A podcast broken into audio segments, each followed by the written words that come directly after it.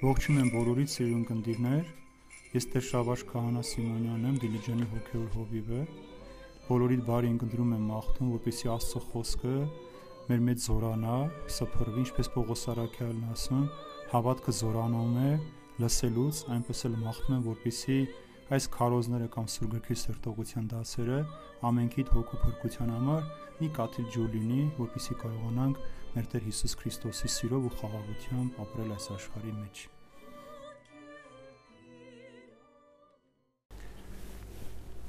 Օրհնյալ Տեր մեր Հիսուս Քրիստոս ամեն Հայր մեր, որ հերկինս ես, Սուրբ Եյցի անուն քո, եկեցե արքայություն քո, եղեցին գամ քո որպես հերկինս եւ հերկրի հսած մեր հանապազոր տուր մեզ այսօր եւ թող մեզ սպարդիս մեր որպես եւ մեկ թողունք մերոց պարտապանած եւ մի տանիրս մեզի փորձություն այլ փրկյաս մեզի չարե Զիքոյ արքայություն եւ զորություն եւ փառք հավիդյանս ամեն իմաստություն հոր Հիսուս տուր մեզ իմաստություն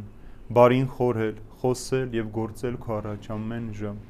եւ չար խորուրդներից, խոսքերից ու գործերից փրկիր մեզ եւ ողորմիր քո արարածներին եւ ինձ բազմամեղիս ամեն նստեք ժողովուրդ ջան բարի եկեք ժողովուրդ ջան աստված օրհնի բոլորիդ որ Տերը մեզ այսօր արժանացրել է նորից հանդիպելու, Տիրոջ խոսքը սերտելու, միասին աղոթելու։ Այսօր ելի պիտի շարունակենք առաջին գլխը արդեն 26-ից 27 26-ից 38 համաներ այսօր պիտի սերտենք Մարիամ Աստվածածնին տրվող Հիսուսի ծննդյան ավետում այդ փոքրիկ հատվածը պիտի սերտենք, տեսնենք թե Միքայել հրեշտա Գաբրիել հրեշտակապետը Մարիամին հանդիպելով ինչ պատգամ է տալիս նրան։ 6-րդ ամսին Գաբրիել հրեշտակապետը Աստծո կողմից ուղարկված Գալիլեայի մի քաղաք, որի անունը Նազարեթ էր, մի կույսի մոտ, որ նշանված էր Հոսեփ անունով մի մարդու հետ։ Դավթի տնից, եւ այդ կույսի անունը Մարիամ էր։ Եվ հրեշտակը գալով նրա մոտ ասաց. Ուրախացիր, ով շնորհանկալ, Տերը քեզ հետ է։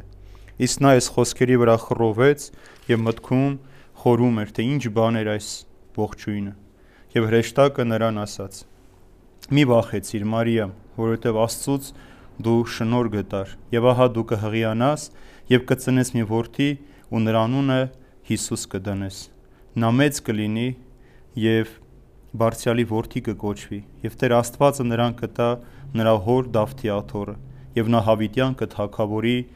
Հակոբի տան վրա ու նրա թակավորությունը վաղճան չի ունենա։ Իսկ Մարիամը հրեշտակին ասաց. Ինչպես այդ կպատահի ինձ, քանի որ ես տղամարդ չեմ ճանաչում։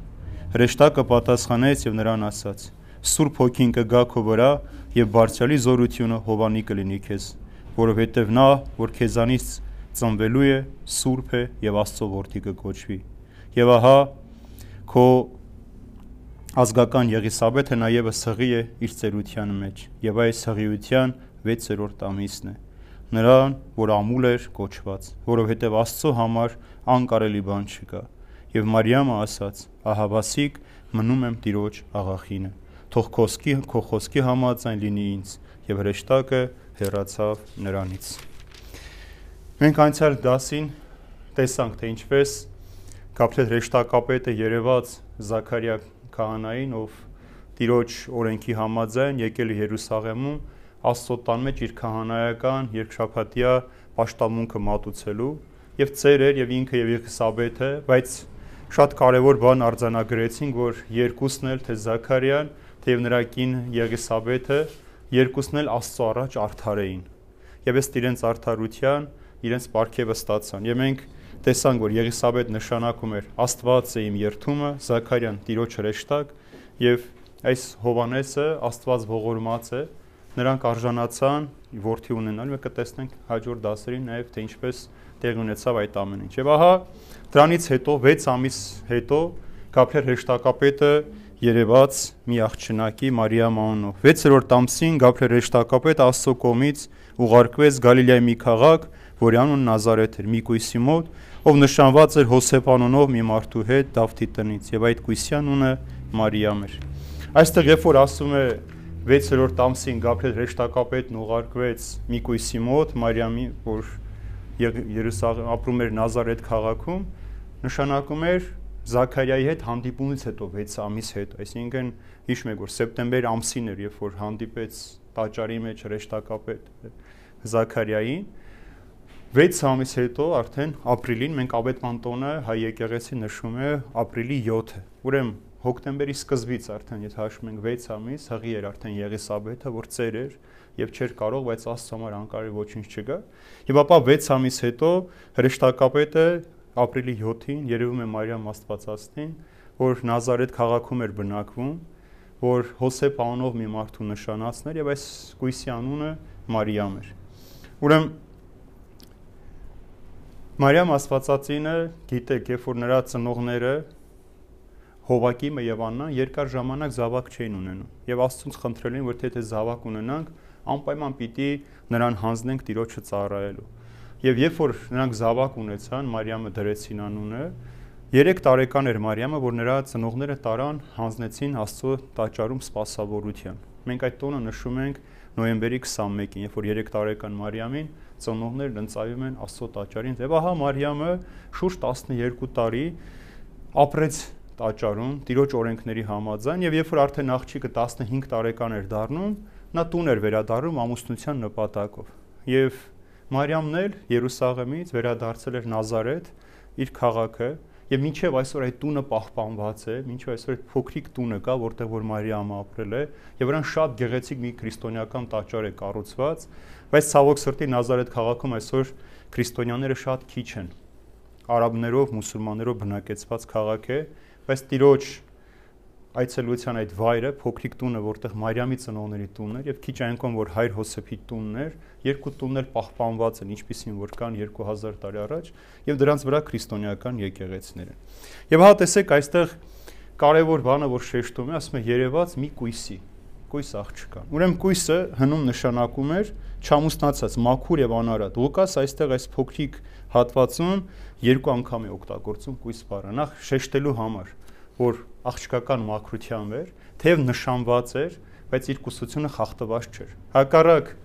բողոքական հարանվանությունը եկեղեցին, ովքեր որ չեն ընդունում այրամ աստվածածնի կուսությունը եւ նրանք աստվածամորը աստվածածին չեն ասում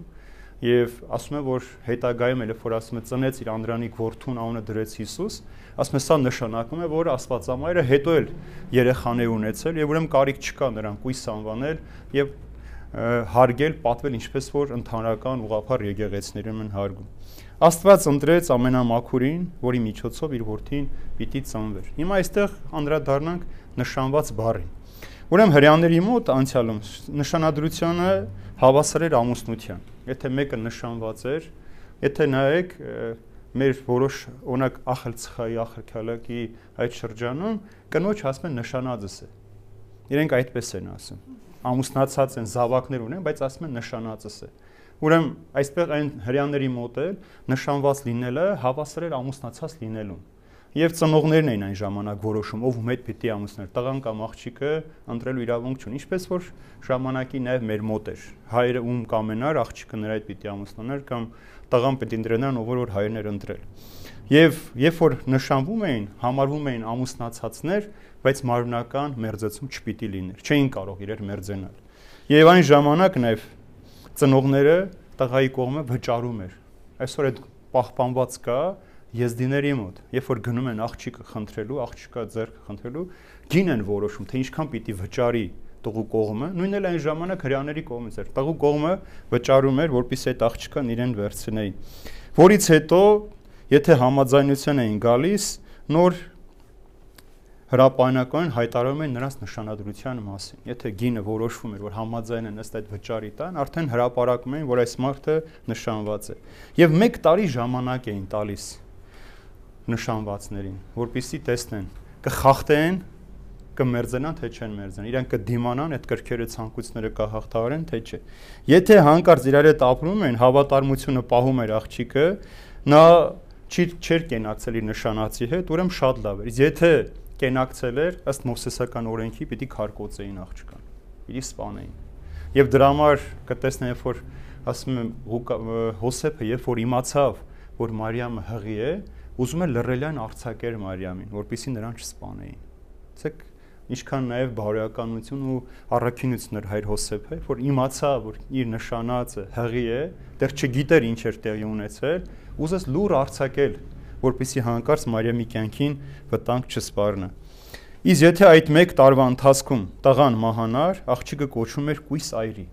եթե ընթացքում մահացել էր, կույս այրի էր, իսկ եթե չպետք է ամուսնանար, այդ աղջկա հետ բաժանում պետք է լիներ եւ ամուսնալուծություն։ Եվ այն ժամանակ արցակման թուղթը հիշում եք, որ մոտենում են Հիսուսին հարցնում են. Օրինավոր է որ տղամարդը ամեն պատճառով իր կնոջ հարցակի եւ հիմա չեք կարդացել սուր գրքում գրած էր որ արույևը կստեղծեց եւ ձեր խստասրտության պատճառով կարող էր արցակել եւ որ միայն շնության դեպքում էին արցակում եւ քանի որ անընդհատ ամեն պատճառով կարող են արցակեն եւ ինչ որ գումար տալիս են, օժիտը հետը բերում էր աղջիկը, շնության դեպքում օժիտը հետ չէին տալիս։ Եվ տղամարդիկ առիթից օգտվում են եւ դրա համար ասեց անպայման բաժանվելուց առաջ թուղթ կգրեք կտակ, որ այս աղջիկը մաքուր է, անարատ է, շնության պատճառով չէ որ բաժանված են, որպիսի քարկոծման ենթակա չլիներ։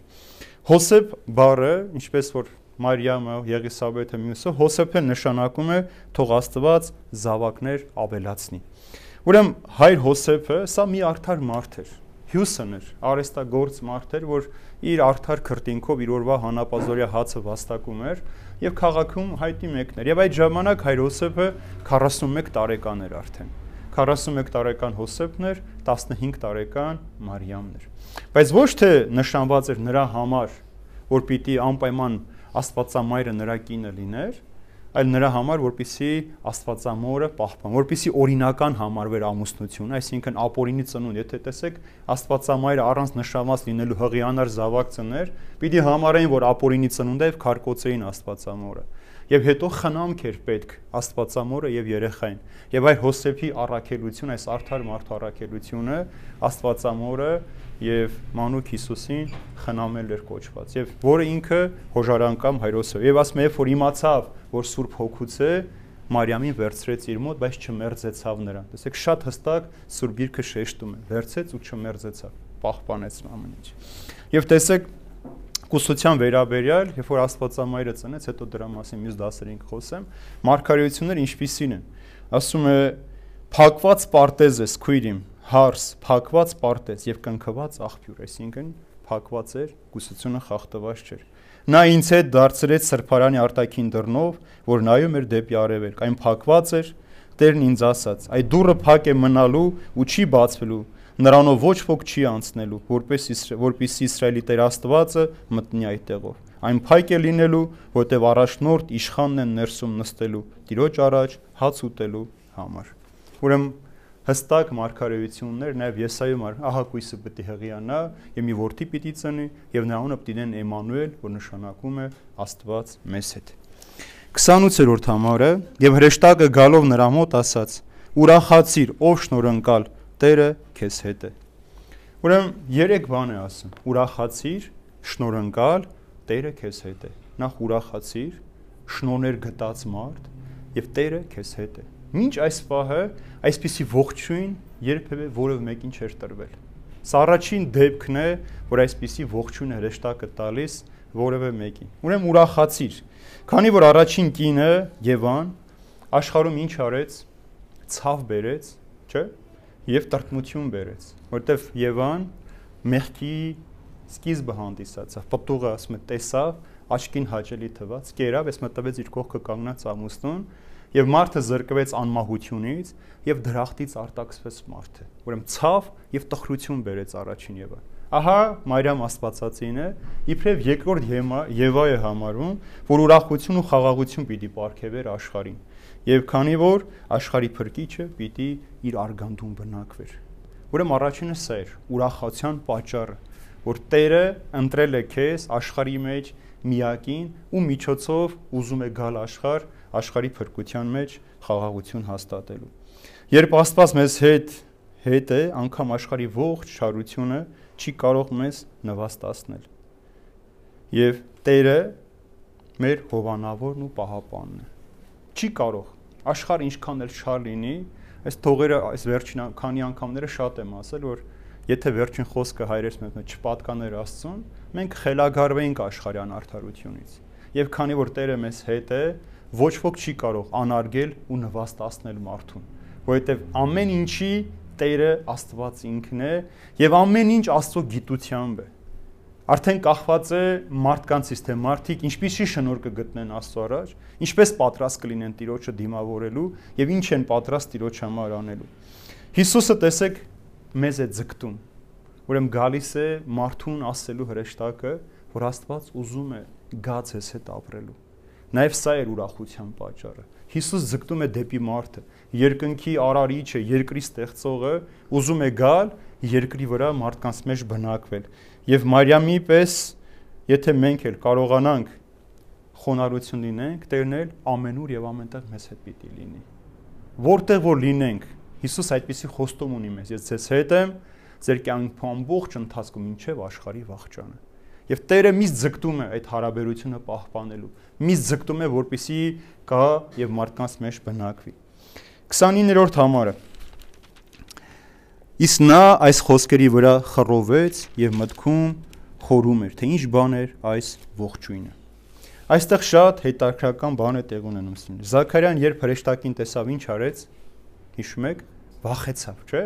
Երբ որ տեսավ հրեշտակին, վախեցավ։ Բայց անգամ այն դեպքում, որ ինքը քահանա էր, սուրբ գրքի մեջ փորձառու էր, այսինքն իր տարիքը նաև թույլ էր տալի չվախենալու որովհետև հիշում ենք, որ հրեշտակը որ երևում էր, ինչ որ գուշ պիտի ավետեր եւ առաջին բանը Զաքարյան իր մեղքերը հիշեց, թե ինչ սխալ է արել, որ հրեշտակն եկել իրեն սպանելու։ Բայց այս մաքուր մանկական աղջնակը չվախեցավ, ուղղակի խռովեց, հուզվեց թե ինչ տեղի ունեցավ, ինչու պիտի հրեշտակը կամ ինչքանով է ինքը արժանի, որպիսի հրեշտակը իրեն իրեն երևա։ Եվ Մարիամը նաև խռովեց ոչ թե նրանից, որ հրեշտակին տեսավ, այլ խոսքերից, որ ուրախացիր եւ նաև ողջունի ձևից, որ ողջունեց, որովհետեւ ոչ մեկին չեն ասում հրեշտակները ողջուն։ Չասեց Զաքարիային, չէ, ողջույն։ Չասեց, բայց Մարիամին ասում է ողջույն։ Եվ տեսեք մանկական մաքրությունը ինչպիսին է։ Այսօր առավոտյան մի հատ բան էի կարդում, գիրք, այնտեղ երեխաների հուշեր կային, շարադրություն, անում մեկը թե Աստծո մասին ինչ է մտածում։ Եվ 8 տարեկան մի փոքրիկ գրել էր. Տեր, եթե ես մեռնեմ, ասում է, չեմ ուզում ոչ դրախտ գնամ, ոչ էլ դժոխ գնամ։ Ուզում եմ քո մոտ գամ։ Սա միայն մանկական մաքրությամբ երեխան կարող է ասել։ Չեմ ուզում ոչ դրախտ, ոչ դողը, քո մոտ եմ ուզում գամ։ Այսինքն իր համար երջանկությունը, կյանքը Տիրոջ մոտ է։ Եվ սա մեծերս չենք հասկանում, մեր տեղը ուր է, մենք ուր ենք ուզում ձգտենք։ Մեր մանկական մաքրությունը մենք կորցնում ենք։ Դրա համար Հիսուսը մինչև երեխաների պես չլինեք, չեք կարող Աստծո արքայությունը ոչ միայն մտնել, այլև տեսնել։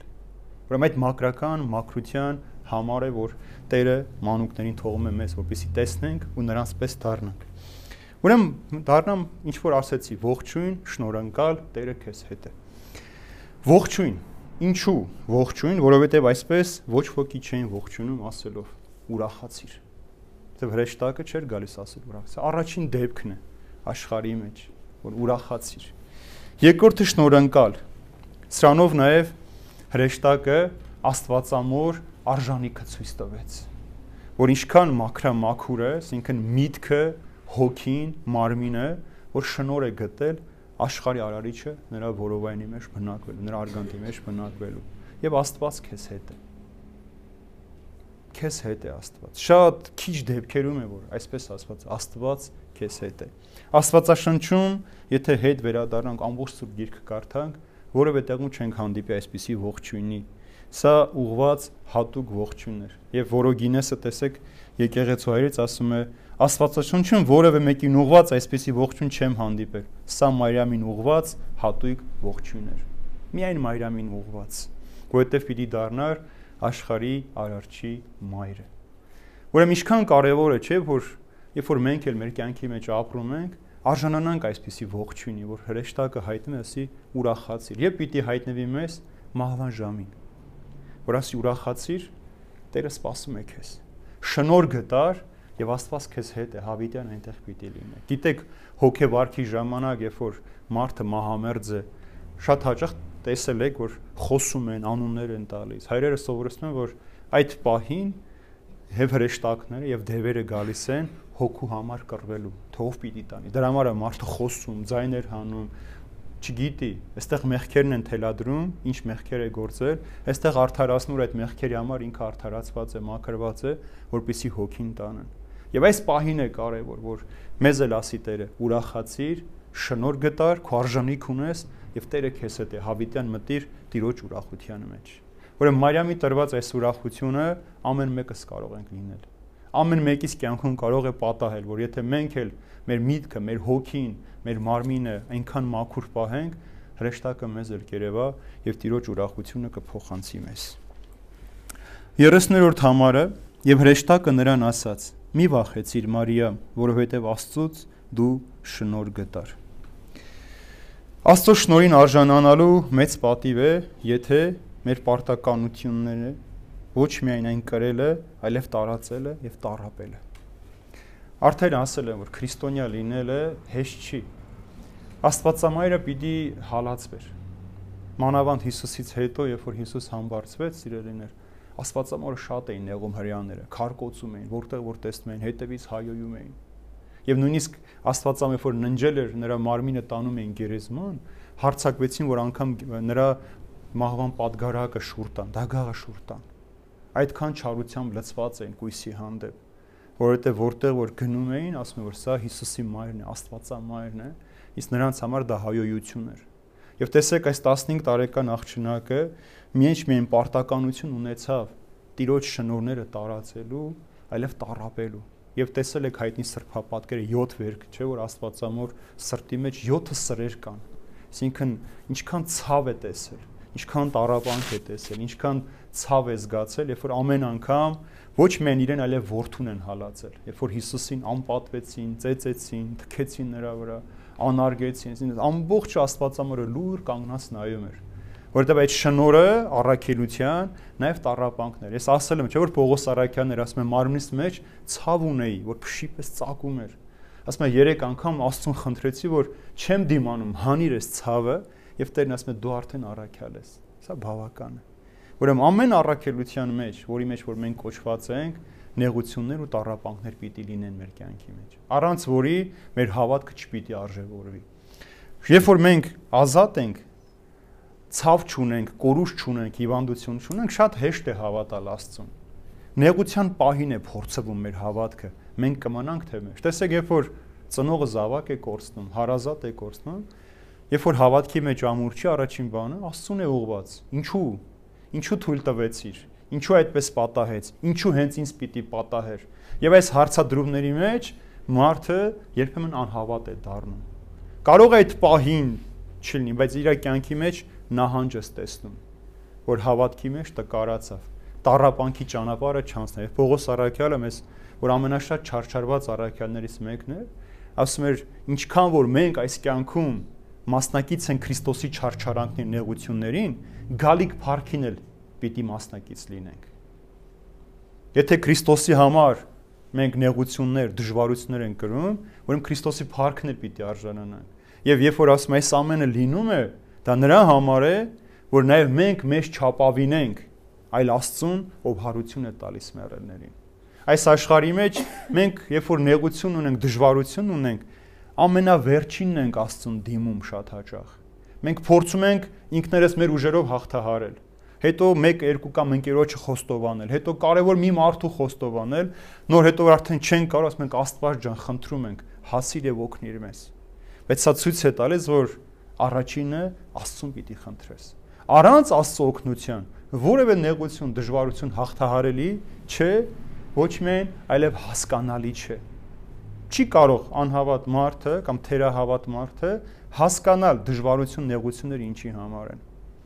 դու պիտի զգաս դրա կարողությունը այդ տարապանքը որpիսի նաև քո ունեցած շնորհը հասկանաս եւ այս չարչարանքներն ու նեղությունները աստվածամայրը գտավ եւ տես ասում է մի վախեցիր մարիամ որտեվ տիրոջից շնոր գտար այսինքն եթե դու համաձայն ես պատրաստակամ ես նեղությունն ու դժվարությունը քեզ պիտի ուղեկցի, բայց մի վախեցիր, Աստված քեզ հետ է լինելու։ Սուրբ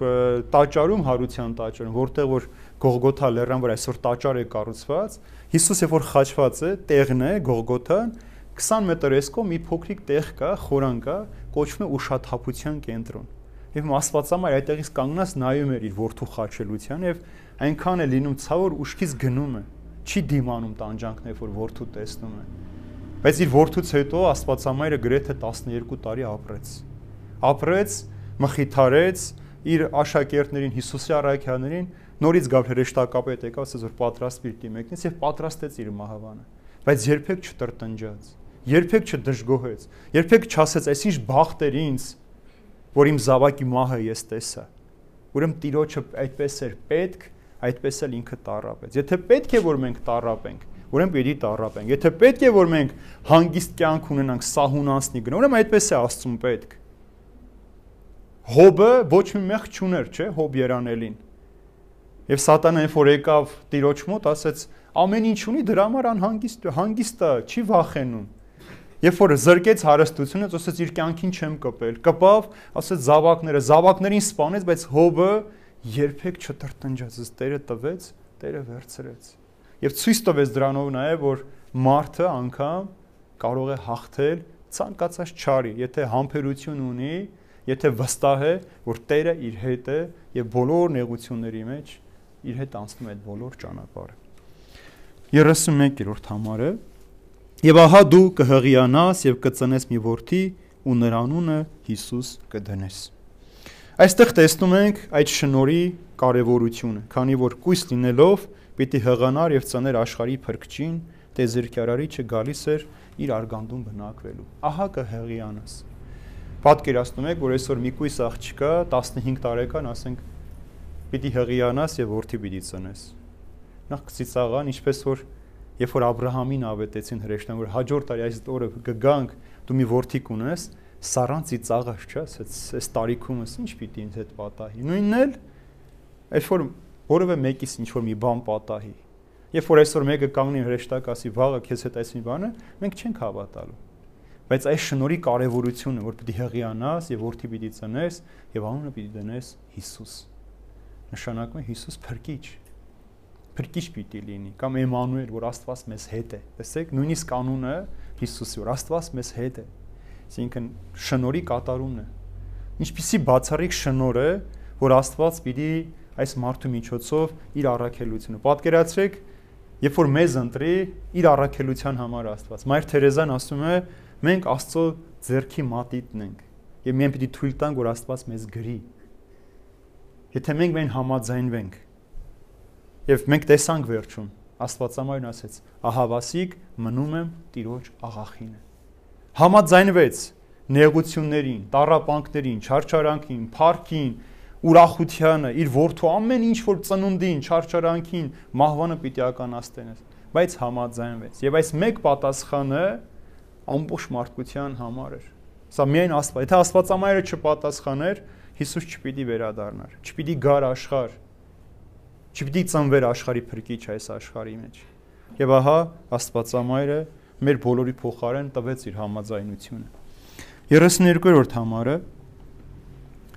Նա մեծ կլինի եւ բարձրալի որդի կկոչվի եւ Տեր Աստված նրան կտա նրա հոր Դավթի աթոռը եւ նա Հավիտյան կթակավորի Հակոբի տան վրա։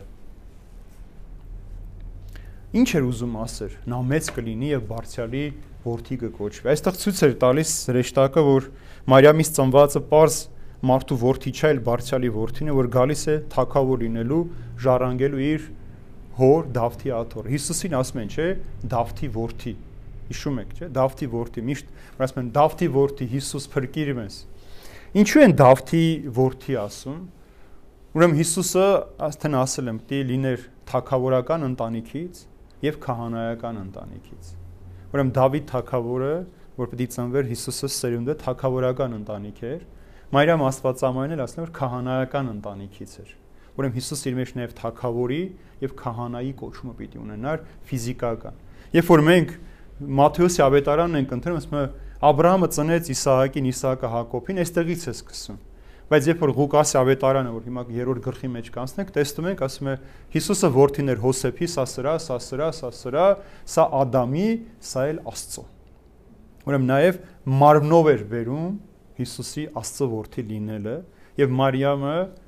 քահանայական ընտանիքից էր, Հոսեփը թակավորական ընտանիքից էր եւ Դավթի ժառանգն էր։ պիտի Դավթի սերնդից ծներ, որպիսի Դավթի թակավորությունը ժառանգեր։ Տերը Դավթին խոստացել էր, որ թակավորությունը հավիտենական է դարձնելու։ Դավիթը 40 տարի թակավոր եղավ, բայց ասել էր քո թակավորությունը հավիտյան պիտի լինի։ Թեև Դավթի մայից հետո նրա թակավորությունը վերացավ, չէ, Սողոմոնից հետո բաժանվեց, դարձավ Հրեաստան, Հուդայի երկիր եւ Իսրայել երկու մասի բաժանվեց, թակավորությունը պատարվեց, բայց նրա սերնդից եկավ հավիտենական թակավորը Հիսուս, ով թե հորական թե մորական կողմից սերում էր Դավթի տողմից։ Ուրեմն թակավորությունը նաև հավիտենական էր եւ Հիսուսի թակավորությունը վախճան չուներ։ Մենք մեղաներ, բան գիշերային ժամերգությունից առաջ, երբ որ մեր հավատքի խոստովանություն ենք ասում, ասում ենք Հիսուս Քրիստոս նույնն է երեք, այսօր եւ հավիտյան։ Ուրեմն չի փոխվում Հիսուսը։ Երեկել էր նույնը, այսօր էլ է նույնը, վաղն էլ, հավիտյանն էլ նույնն է լինելու։ Ուրեմն ով որ արարել էր, ստեղծել էր աշխարհը, երկինքը, թակավորն էր ամեն ինչի, գալիս է նաև նյութական թակավորն, երկրի վրա այդ թակավորությունը հաստատելու։ Եվ Դավթի թակավորության շարունակությունը կարող ենք ասել, որ եկեղեցին է, Տիրոջ թակավորն, որ եկեղեցների մեջ է Տերը թակավորում եւ իր թակավորությունը սփռում է ամբողջ աշխարհի մեջ բարի լուրը բերելու համար։ Բարձրալի ворթի պիտի կոչվի եւ նրա թակավորությունը բաղճան չպտունն է։ Ցավոք սրտի երկրի թակավորները, երկրի իշխանավորները չեն գիտակցում, որ իրեն ժամանակը սահմանափակ է աշխարհի վրա։ Եվ ամեն մեկը, որ ձգտում է իշխանության, թակավորական թագ ու պսակ ունենալու, մոռանում է, որ այդ ամեն ինչը որ տալիս է իրեն, Աստծուց է տրված։ Եվ Աստված է այդ ամեն ինչի Տերը։ Մի փոքրիկ հատված կարդամ առակած գրքից, որպեսզի տեսնեք, թե ինչ է Տերը ասում այն թակավորների մասին, ովքեր որ իշխաններ են կարգված եւ իշխանություն ունեն այս երկրի վրա։ Հիմա միայն գտնեմ էջը հիմա։ Սողոմոնի իմաստության գրքից պիտի կարդամ։ Տեսեք, լսեցեք, ով թակավորներ եւ հասկացեք, սովորեցեք երկրի բոլոր ցակերի թակավորներ։ Ականջ դրեք դուք, որ բազմություններ ունեք ձեր ձեռքի տակ եւ հպարտանում եք, որ տիրում եք բազում ազգերի վրա Ձեր այդ իշխանությունը Տիրոջ կողմից է տրված, տերությունը բարձրալից։ Նա էլ հաշիվ է պահանջելու ձեր գործերի համար եւ քննելու է ձեր մտածումները։ Դուք նրա թակավորության սпасավորներն եք, դες ինչքան սիրուն է։ Դուք նրա թակավորության սпасավորներն եք, բայց ուղիղ դատ չեք վարում, չեք պահում նրա օրենքները եւ չեք հետևում Աստծո կամքին։ Իսկ նա ահ ու տարապանք պիտի հասցնի ձեզ վրա քանի որ իշխանների համար անաչար դատաստան լինելու միջդեռ ռամիկի համար կա ներման ողորմածությունը հզորներն ավելի խիստ են դատվելու որտեվ տիրոջ Տերը ոչ ոքի հատկապես իր աչքի տակ չի ունենում չի խորշում ոչ մի մեծությունից քանզի ինքն է ստեղծել թե մեծին եւ թե փոքրին եւ հավասարապես խնամք է տանում բոլորի նկատմամբ բայց զորավարների նկատմամբ ավելի խիստ քննություն պիտի լինի Արդ ձեզ են ուղված իմ խոսքերը, ով բռնակալն է, որպիսի իմաստություն սովորեք եւ չսխալվեք։ Այն ամենը ինչ սուրբ է, պահեցեք սրբությամբ եւ դուք պիտի սրբանաք, նրանք ովքեր սովոր են այդ բաները, պաշտպանություն պիտի գտնեն։ Ահա ձգտեցեք հետևել իմ խոսքերին, փափագեցեք եւ պիտի խրատվեք։ Տեսեք ինչքան գեղեցիկ։ Իմ թակավորության սпасավորներն եք։ Ուրեմն աշխարհի բոլոր թակավորությունները պատկանում են Աստծուն։ Եվ ովքեր որ կոչված են Տիրոջը սпасավորելու համար են կոչված։ Տեսեք, ասում է անաչառություն չի դնում Տերը որևէ մեկի համար։ Եվ բոլոր թակավորությունները, իշխանությունները իմանալով հանդերձ որ ժամանակավոր են, մարդիկ ցավոք սրտի, անգամ իրենց կյանքը։ Տեսեք, նամակի մեջ Պողոս Արաքյալն ասում է՝ զգուշ եղեք, ձեր կյանքը միայն կերու խումերով, հարբեցողություններով, ուրախություններով չանցկացնեք, որ երբ որ մահվան ժամը գա, վախենակ, այլ ասում է դրա հետ մեկտեղ ամեն ժամ աղոտ քարեք, որpիսի չվախենակ։ Ամեն ժամ աղոտ քարեք։ Ուրեմն եւ թակավորները, եւ իշխանները, եւ սովորական մարդիկ, ովքեր իրենք իրենց կյանքի թակավորներն են, նեղի մաստով ասված։ Այսպես են վատնում Աստծո, որովհետեւ այս մարմինն էլ, այս կյանքն էլ, սրա տերն էլ Հիսուս ինքն է եւ մենք սпасավոր ենք այս կյանքի համար, բայց եթե մենք վատնեցինք, անխուսափելի պիտի լինի նաեւ մեր պատիժը։ 34-րդ համարը Իս Մարիամը հրեշտակին ասաց. Ինչպես այդ կպատահի ինձ, քանի որ ես տղամարդ չեմ ճանաչում։ Տեսեք ինչքան Պարզություն կա Մարիամի մեջ։ Զաքարյան ինչ արեց պատասխանին։ Երբ որ ասաց պիտի ворթի ունենա, Զաքարյան ինչ ասեց։ Կասկածեց, չէ՞։ Ոնց պիտի ինձ հետ պատահի, նշան խնդրեց։ Իսկ Մարիամը ոչ կասկածեց, ոչ նշան խնդրեց, ասեց, բայց ես տղամարդ չեմ ճանաչում, այսինքն իր պարզությամբ չեմ քնել որևէ մեկի հետ։ Ամուսնացած եմ, բայց անկողին չեմ մտել եւ չեմ ճանաչում։ Նորից իր կուսությունն է շեշտում այստեղ Ղուկաս ավետարանիչը որ տեսեք ֆիզիկական կուսությունը պահված էր եւ մաքուր ու անարատ էր։ Այսօր շատ հաճախ մարդիկ ասում են կարևորը մտքի կուսությունն է։ Այդ ֆիզիկական կուսությունը առաքինությունը։ Հիսուս էլ ասում է կամ սուր գրքի մեջ այլ տեղերում շատ ասում է Երանի ներքինիներին, որոնք իրենց չեն պղծում։ Պողոս Արաքյալն ասում է, որ ինքը ամուսնացած չէր, գիտեք, մյուսները շատերը ամուսնացած են Արաքյալների Պետրոս Արաքյալի տեսնում եք զոնքաչի բուժումը, որ Հիսուս բժշկեց։ Ասում է լավ է նմանվեք ինձ, չամուսնանա, կուսության մեջ մնա։ Բայց ասում է եթե պիտի կրքերով արիվեք, լավ է ամուսնանաք։ Ուրեմն Աստվածամայրը անգամ կրքերով այրված չէր։ Մաքրամաքուր էակ էր եւ པարս իր օրյորթական մտածում ասում է, բայց ես ո՞նց պիտի անեմ, չէ՞ որ ես տղամարդու չեմ դիպել։ Սակայն ինչպես ինքը ամուսնացած չէր, նա մեծացավ եւ արդեն ասել է որ Աստվածամայրը տաճարում էր մեծացել եւ այդ օրենքներով էր դաստիարակված եւ չէր կարող։ Եվ տեսեք նաեւ դրանից բացի Աստվածամայրը, քանի որ տաճարում ինքը մեծացել էր, շատ լավ գիտեր Եսայում արքարեություն, ահա կույսը պետք է հղիանա եւ մի որդի պիտի ծներ։ Բայց երբևէ չէր մտածել այդ կույսը ինքը պիտի լինի։ Գիտեր, որ այդպիսի բան պիտի պատահեր, բայց չգիտեր, որ այդ ընտրյալը հենց ինքը անձամբ է։ Եվ կույսը պիտի հղիանար զավակ ծներ, իշտ հրեշտակի ավետիսից խոսեց այդ կույսը ինքն է լինելու։ Եվ դրա համար ասում են, ինչպես պիտի պատահի։ Պարզ, գուցե կասկածեց, որ արդեն դրա համար է եկել, բայց իր պարզ հպարտություն չապրեց, այլ հարց տվեց նաև ապացուցելու հետագա այն մարդից ովքեր պիտի կարթային եւ որոշեին աստվածամայրը կույս է թե կույս չի այս գրքի գրածներ իրենց կասկածի տակ առնեին, ինչպես շատ հաճախ տեսնում ենք որ բառը սխալ է գրված, կամ ինչպես 1 տարի առաջ Ռոմի Պապն ասաց, որ հայր մեր աղոթքը պիտի խմբագրենք, որոշակի բաներ պիտի ավելացնենք, պակասեցնենք, այսինքն այն ինչ որ կա մարդիկ սրա մեջ շատ են, դրա համար հստակ ասում եմ, թող ոչ ոք ոչինչ չավելացնի ու չպակասեցնի այս գրքի վրա։ Եվ այս ճանապարհով կույսը նախ իր մարմնական կուսությունը ցույց տվեց եւ իր խոնարհությունը նաեւ որ ինքը պատրաստ է Աստծո համար այդ ճանապարհը անցնել եւ դառնալ այդ փրկչի մայր այս երկրի վրա 35-րդը հրեշտակը պատասխանեց եւ նրան ասաց. Սուրբ հոգին կգա քո վրա եւ բարձրալի զորությունը Հովանի կլինի քեզ որտեվ նա որ քեզանից է ծնվելու Սուրբ է եւ Աստծո որդի կկոչվի Դու մարմնական հարություն չպետք է ունենաս Սա էր հրեշտակի պատասխանը։ Դու մարմնական հարաբերություն չպետք է ունենաս։ Հստակ էր։ Միանգամից շեշտում է Սուրբ Հոգուս պետք, այսինքն տղամարդու չդիպչես, որը մեկը քեզ չի դիպչելու։ Քանի որ Սուրբ Հոգին կգա քո վրա, բարձրալի զորությունը հովանի լինի։ Հիսուս էլ քո արգանդում կլինի, Սուրբ երրորդության տաճարը կլինես դու։ Քիչ առաջ դեպքերից առաջ անցյալ դենց ով Սուրբ Հոգով հղացավ, որ Սուրբ Հոգին արգանդից նրա հետ էր։ Հովանես Մկրտիչը, չէ՞։ Այսինքն մինչև այդ էլ այնպիսի բան չէր եղել, որ որևէ մեկը դեռ չծնված Սուրբ Հոգին նրա հետ լիներ եւ իր ամբողջ կյանքի ընթացքում։ Ասել են, որ մարգարեն երբ որ գալիս էին մարգարյանալու խոսելու, այդ պահի համար էին Սուրբ Հոգին ստանում, Աստծո խոսքը փոխանցում են եւ հետո դուրս էր գնում։ Բայց այստեղ Հովանես Մկրտիչը արդեն արգանդիցից, չէ, Սուրբ Հոգով լցված էր, որ եւ որովայնից որովայն երկրպագեց Հիսուսին։ Եվ այստեղ էլ Սուրբ Հոգու զորությունը պիտի իջնի։ Եթե կարճ ձևակերպենք հրեշտակի պատասխանը, այսինքն դու որևէ մարմնական հարաբերություն չես ունենալու եւ քո հղիությունը այդ ճանապարհով չի լինելու։ Աստծո համար դիլին այդ զորությունը։ Եվ այդտեղից մեր էպոսի մեջ էլ կա, չես խոսքերի արձագանքը, երբ որ ծովինարը ջուր խմեց,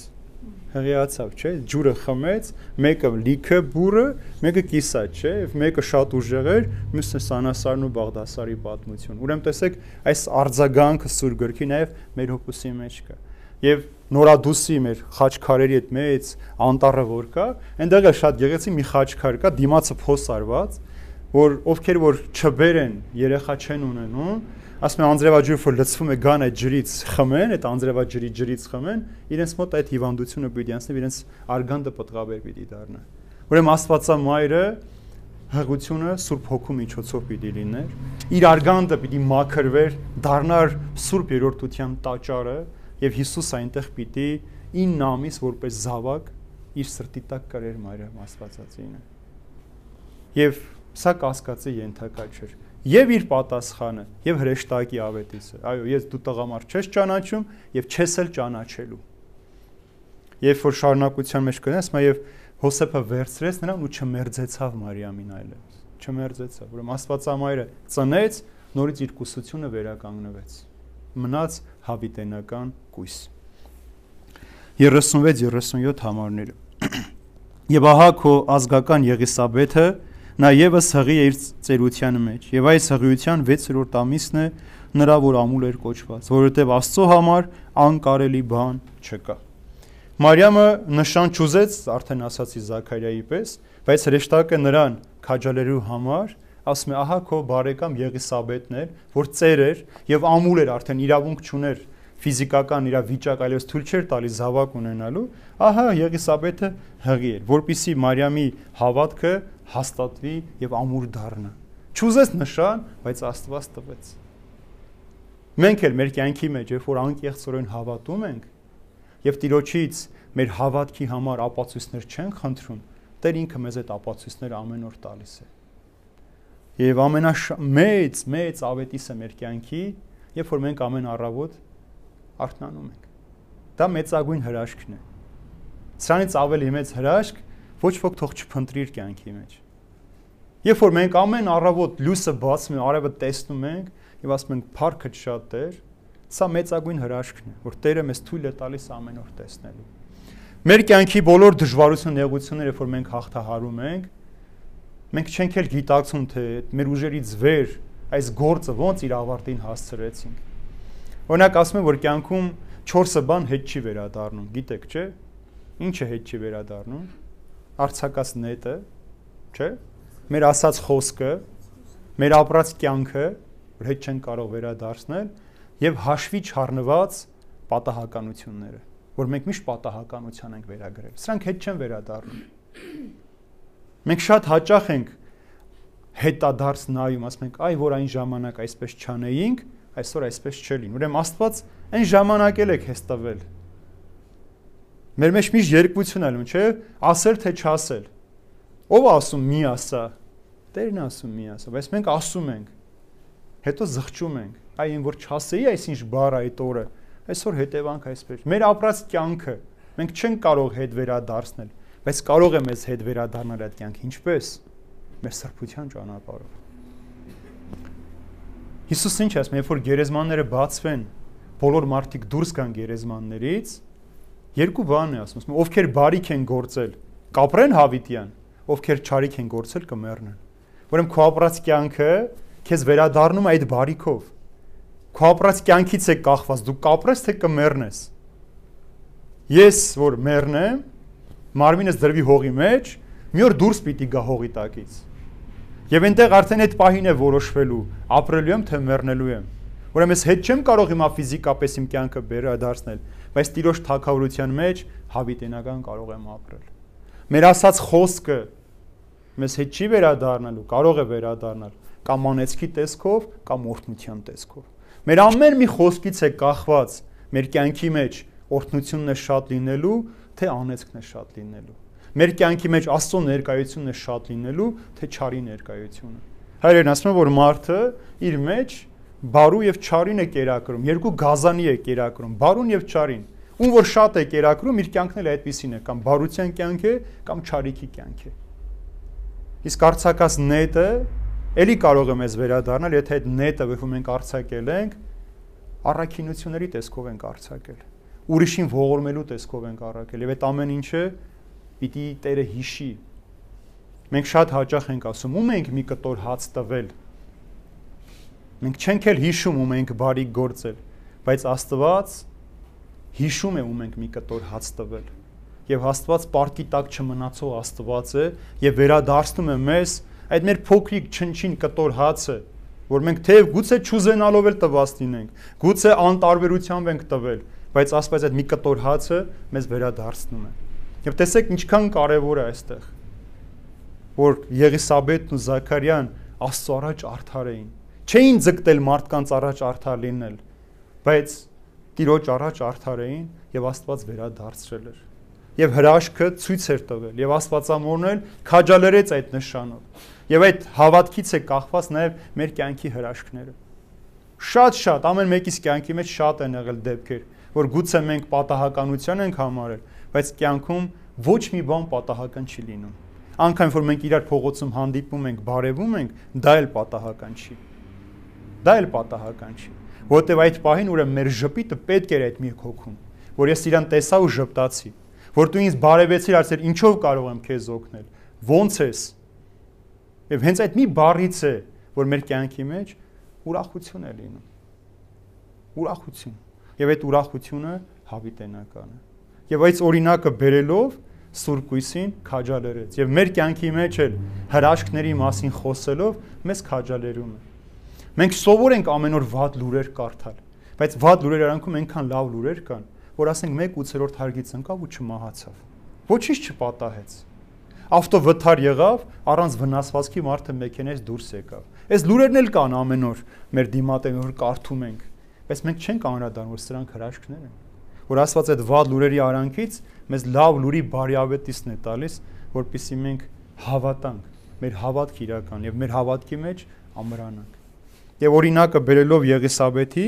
նաև Տերը մեզ է հիշեցնում, որ ինձ համար անկարելի ոչինչ չկա։ Միայն թե խնդրեք, միայն թե փնտրեք, միայն թե բախեք եւ այդ ամեն ինչը ձեզ ավելիով կտրվի։ Եվ այսօրվա վերջին համարը ահավասիկ Մարիամն ասաց. ահավասիկ ես մնում եմ Տիրոջ աղախինը։ Թող որ քո խոսքի համաձայն լինի ինձ եւ հրեշտակը հեռացավ նրանից։ Ինչ ասեց Աստվածամայրը։ Թող քո կամքը լինի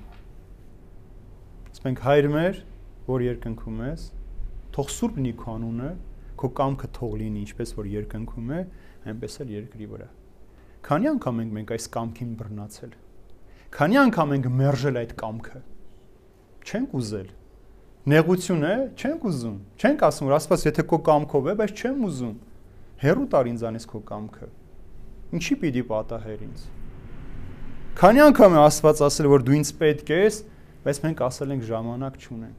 Աստծո կամքն եղել որ մենք սուրբ լինենք, բայց չենք ուզել սուրբ լինենք։ Աստված ուզել է որ մենք նեղություն կրենք, բայց ասել ենք Աստված ջան, չեմ ուզում նեղություն կրեմ։ Չեմ ուզում։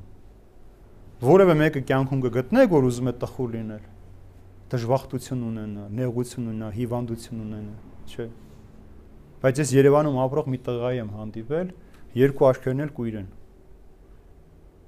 Մեկը հիվանդության պատճառով մյուսն էլ մայրը sense փայտը շպրտում է, տղան դուրս է գալիս, մտնում է աշկի մեջ ու կուրանում է։ Երկու աշն էլ կուրացած են։ Եվ մի օր ինձ ասաց շնորհակալ եմ ասած, որ աշկեր չունեմ տեսնելու։ Եթե տեսնեի, բազում մեղքեր կգործեի։ Բազում մեղքերի պատճառ կդառնայի։ Տեսեք, ինքը հնազանդվել է Աստծո կամքին։ Մենք փորձում ենք հնազանդվել, Աստվածամորը լավ լուր բերեց, ասես դու Աստծո մայրը պիտի դառնաս։ Բայց իմացիր, տարապելու ես, քեզ նվաստացնելու են, անարգելու են, հետևիցը չարախոսելու են, քարերով հարվածելու են, ծաղրելու են, բամբասելու են։ Ասես թող քո կամքը լինի։ Եթե պետք է այդպես, ուրեմն այդպես էլ պիտի լինի։ Մենք ինչ ենք անում, Ամեն ինչ անում ենք, որ մեր հետևից միայն լավը խոսեն։ Հանկարծ վատ բաներ չխոսեն։ Անկամ մեր սխալը, երբ որ մենք գործում ենք, փորձում ենք այդ սխալը այնպես արդարացնել, որ մարդիկ մեզ չմեղադրեն այդ սխալի մեջ։ Երբ որ մենք սխալը գործում ենք, մարդկանց ենք պատմում, որ այդ մարդիկ գնան, պատմեն այն, որ այսպես չի եղել, այ այսպես է եղել։ Մենք ենք սխալ հասկացել այդ ամեն ինչը, որպեսզի մարդիկ մեր մասին լավը խոսեն։ Հիսուսը Եթե ձեր մասին մարդիկ լավ են խոսում, դա լավ չի։ Տեսեք Հիսուսը զգուշացնում է, թե մարդիկ ձեր մասին միշտ լավ են խոսում, դա ձեր օգտի համար չէ։ Որտեւ երբ որ լավ են խոսում, մենք մեր մեղքերը այլևս չենք տեսնում։ Մի օր մի երիտասարդ վանական գալիս ասում է. «Հայր, այսինչ հայրը ամեն օր հրեշտակներ է տեսնում»։ Ասում է ես կզարմանա, եթե ինքը իր մեղքերը տեսներ ամեն օր։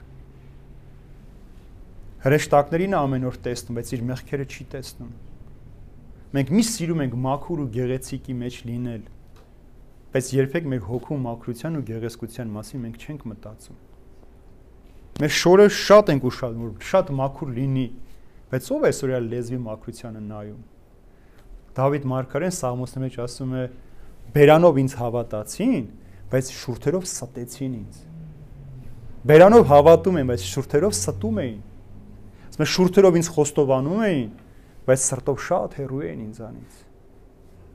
Դրա համար Տերն ասում է շատերը, որ ասեն Տեր, Տեր, քո անունը կանչեցինք, պիտի ասեն, որ ես ձեզ չեմ ճանաչում։ Չեմ ճան, հա, գիտեմ դու ով ես։ Ես գիտեմ, որ դու Տեր Շավարշն ես, բայց ես քեզ չեմ ճանաչում։ Չեմ ճանաչում։ Որովհետև շատ հաճախ դու մարդկանց արժև ցույց տվեցիր քո հավատքը։ Մարդկանց արժև արդար երևացիր, պահեցող երևացիր, բայց իմ արժև մաքուր չէիր։ Սիրտդ ինձ չէր պատկանում։ Դրա համար Աստվածամայն ասում է. թող կամքը լինի, ես պատրաստ եմ։ Պատրաստ եմ տարապելու, դժվարությունները տանելու, նեղությունները, պատրաստ եմ այդ ամեն ինչը անելու։ Եվ կարճ ասած, ամեն։ Չէ՞։ Ամեն։ Թող այդպես լինի։ Չէ, ամեն այդպես, ամեն բառը դա է շում, թող այդպես լինի։ Ամեն ասում է քո ավետիսին։ Համաձայն եմ, թող այդպես պատահի ինձ հետ Աստամայրը խոստացավ, ահավասիկ մնում եմ Տիրոջ աղախին։ Աստված Մարիամի ազատ կամքը ուզեց։ Տեսեք, չպարտադրեց։ Աբետիսը տվեց, ուրախությունը փոխանցեց, բայց ընտրությունը թողեց Մարիամին։ Սա ազատ կամքի դրսևորում էր։ Ինչպես որ հրեշտակները ասացին մենք ազատություն չենք ուզում, ուզում ենք հավիտյան Աստծո հետ լինել։ Եվ հրեշտակները ազատ կամք չունեն մերպես որոշելիք չեն չեն կարող որոշումներ կայացնել։ Իրենք իրենց որոշումը կայացրեն հավիտյան մնալ Աստծո հետ։ Մենք ավելի ազատ ենք, քան հրեշտակները։ Աստվածամերը ազատ էր եւ իր ազատ կամքը ուզեց եւ նա էլ ընտրեց Տիրոջ ծառան լինելու եւ Տիրոջ գործի եւ գործակիցը լինելու այդ առաքելությունը ստանձնելու։ Տիրոջ գործիքը դառնալու։ Տիրոջ ընկերը լինելու։ Ինչքան լավ է, չէ՞ որ մենք Աստծո ընկերը լինենք, Աստծո գործընկերը լինենք Մենք շատ քիչ ենք ուզում Աստծո գործընկերը լինենք։ Ուզում ենք, որ Աստված գործեր անի, մենք վայելենք։ Դրա համար հայրերը միշտ ասում են. «Խնդրեք Աստծուն, որ ձեր գործը օրհնի, բայց մի խնդրեք Աստծուն, որ ձեր փոխարեն ինքն աշխատի»։ Մենք շատ հաճախ ենք այդպես անում։ Խնդրում ենք, որ մեր փոխարեն անի։ Պատմել եմ, չէ՞, ձեզ այն մարդու մասին, որ մի մարդ ասում է. «Տեր Աստված, կարիք ունեմ, շատ կարիք ունեմ, ես խնդրում եմ, այնպես հրա 1 միլիոն դրամի պետք ունեմ, էլի, մի որևէ ձևով ինձ օգնի։ Մի օր, երկու օր, երեք օր, 4 օր, 5 օր։ Ոչ մի բան չի անում։ Ասում է լավ Աստված ջան, գոնենց արա շահ եմ այդ գումար, էլի, նորից 5 օր, 6 օր, ասում է, բա դու ինչ Աստված էիր։ Ես քեզ այդքան խնդրեցի, մի բան չարեցիր, ասում է տղա ջան, գոնե գրե այդ լոտոն գնի։ Գնա գնի այդ լոտոն, որ շահես։ Ախր դու այդ լոտոն էլ չես գնել։ Հենց դա է որ մենք չենք գնում այդ փոքր գործ անելու։ Մեր ազատ կամքը այդպես ենք օգտագործում, որ մենք Աստծո գործակիցը ընկերը լինելով հանդերձ, բայց ինքն աշխատի մենք ուտենք։ Կան այդպիսի, չէ, գործընկերներ, մեկը շատ է աշխատում, մյուսը հետը վայելում է։ Կյանքն է այդպես։ Մարդկային կյանքը այդպեսին է, բայց Աստված ծածամ Աստվածամայր իր ազատ կամքով ուզեց Տիրոջ գործակիցը լինելու։ Եւ հրեշտակ ասում է վերադարձավ հրեշտակը հեռացավ նրանից։ Ինչ արեց։ Վերադարձավ երկինք Գաբրիել հրեշտակապետը, իր հետ տանելով լուրը, որ այս փոքրիկ աղջանակը համաձայն է եւ պատրաստ է։ Եկավ մարդու կարծիքը հարցնելու Աստված։ Տեսեք, երկու դեպքում է Աստված մարդու կարիք ունեցել։ Մեկը արսա է, որ մարդու կարիք ուներ, որ գա աշխարհ Աստված, որ այս աղջիկը համաձայն է, պատրաստ է, եւ երկրորդ Աստված որտեղ մեր կարիք ունի մարդու համաձայնության, մեր փրկության հարցում։ Միակ դեպքն է, որ Աստված չի կարող մեզ օգնել, եթե մենք համաձայն չենք, եթե մենք չուզենք փրկվել։ մեզ կարող է փորձություններից փրկել, վտանգներից ազատել, բայց եթե մենք չուզենք փրկվենք, Աստված չի կարող մեզ փրկել։ Սա միակ դեպքերն են, որ երկու անգամ մարդու կամքը խնդրել է գալ աշխարհը եւ մարդուն փրկելու սիրելիներ։ Ահա Աստվածամայրը այս փոքրիկ 15 տարեկան աղջիկը մեզ համար պատասխանեց, որ համաձայն եմ եւ պատրաստ եմ։ Եվ մենք էլ համաձայն ենք եւ պատրաստ ենք լինելու քրիստոնյաներ բայց երբեք քրիստոնեական նեղությունները չկրելու երբեք այդ դժվարությունները չտեսնելու հնում շատ հեշտ էր քրիստոնյա լինել գիտեք ասում են ով ես ասում էր քրիստոնյա եմ ասում են ինչ է քրիստոնյան ով է քրիստոնյան ասում էր նա ով որ հավատում է քրիստոսին հիմիկվա դարում երբ որ ասեն ով ես ասեմ քրիստոնյա եմ եւ չեմ կարող միայն ասել հավատում եմ քրիստոնյան էլ պիտի ապացուցես որտեվ այն ժամանակվա մարդիկ առաջին, երկրորդ, երրորդ, չորրորդ, հինգերորդ դարի մարդիկ Նրանց համար չկար մեղքի կյանք։ Նրանք հավատում էին անվերապահ եւ ապրում էին այդ կյանքով։ Նրանց համար իրենց կյանքը արդեն ապացույց էր այդ հավատքի, որ հավատում եմ Քրիստոսին եւ իրենց կյանքով ապացուցում էին։ Սուրբ Գիրքով չէին քարոզում, իրենց կյանքով էին ապրում։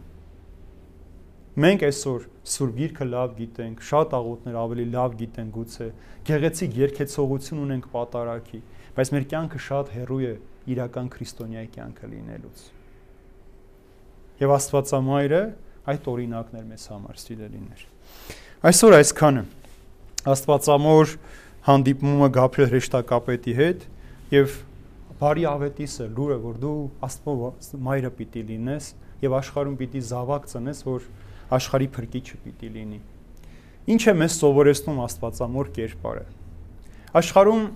շատ-շատ մաքուր աղջնակներ կային, կույսեր կային, բայց Աստված ընտրեց այս մեկին որովհետև ամենամաքուրն էր, մաքրամաքուրն ու ամբիցն էր։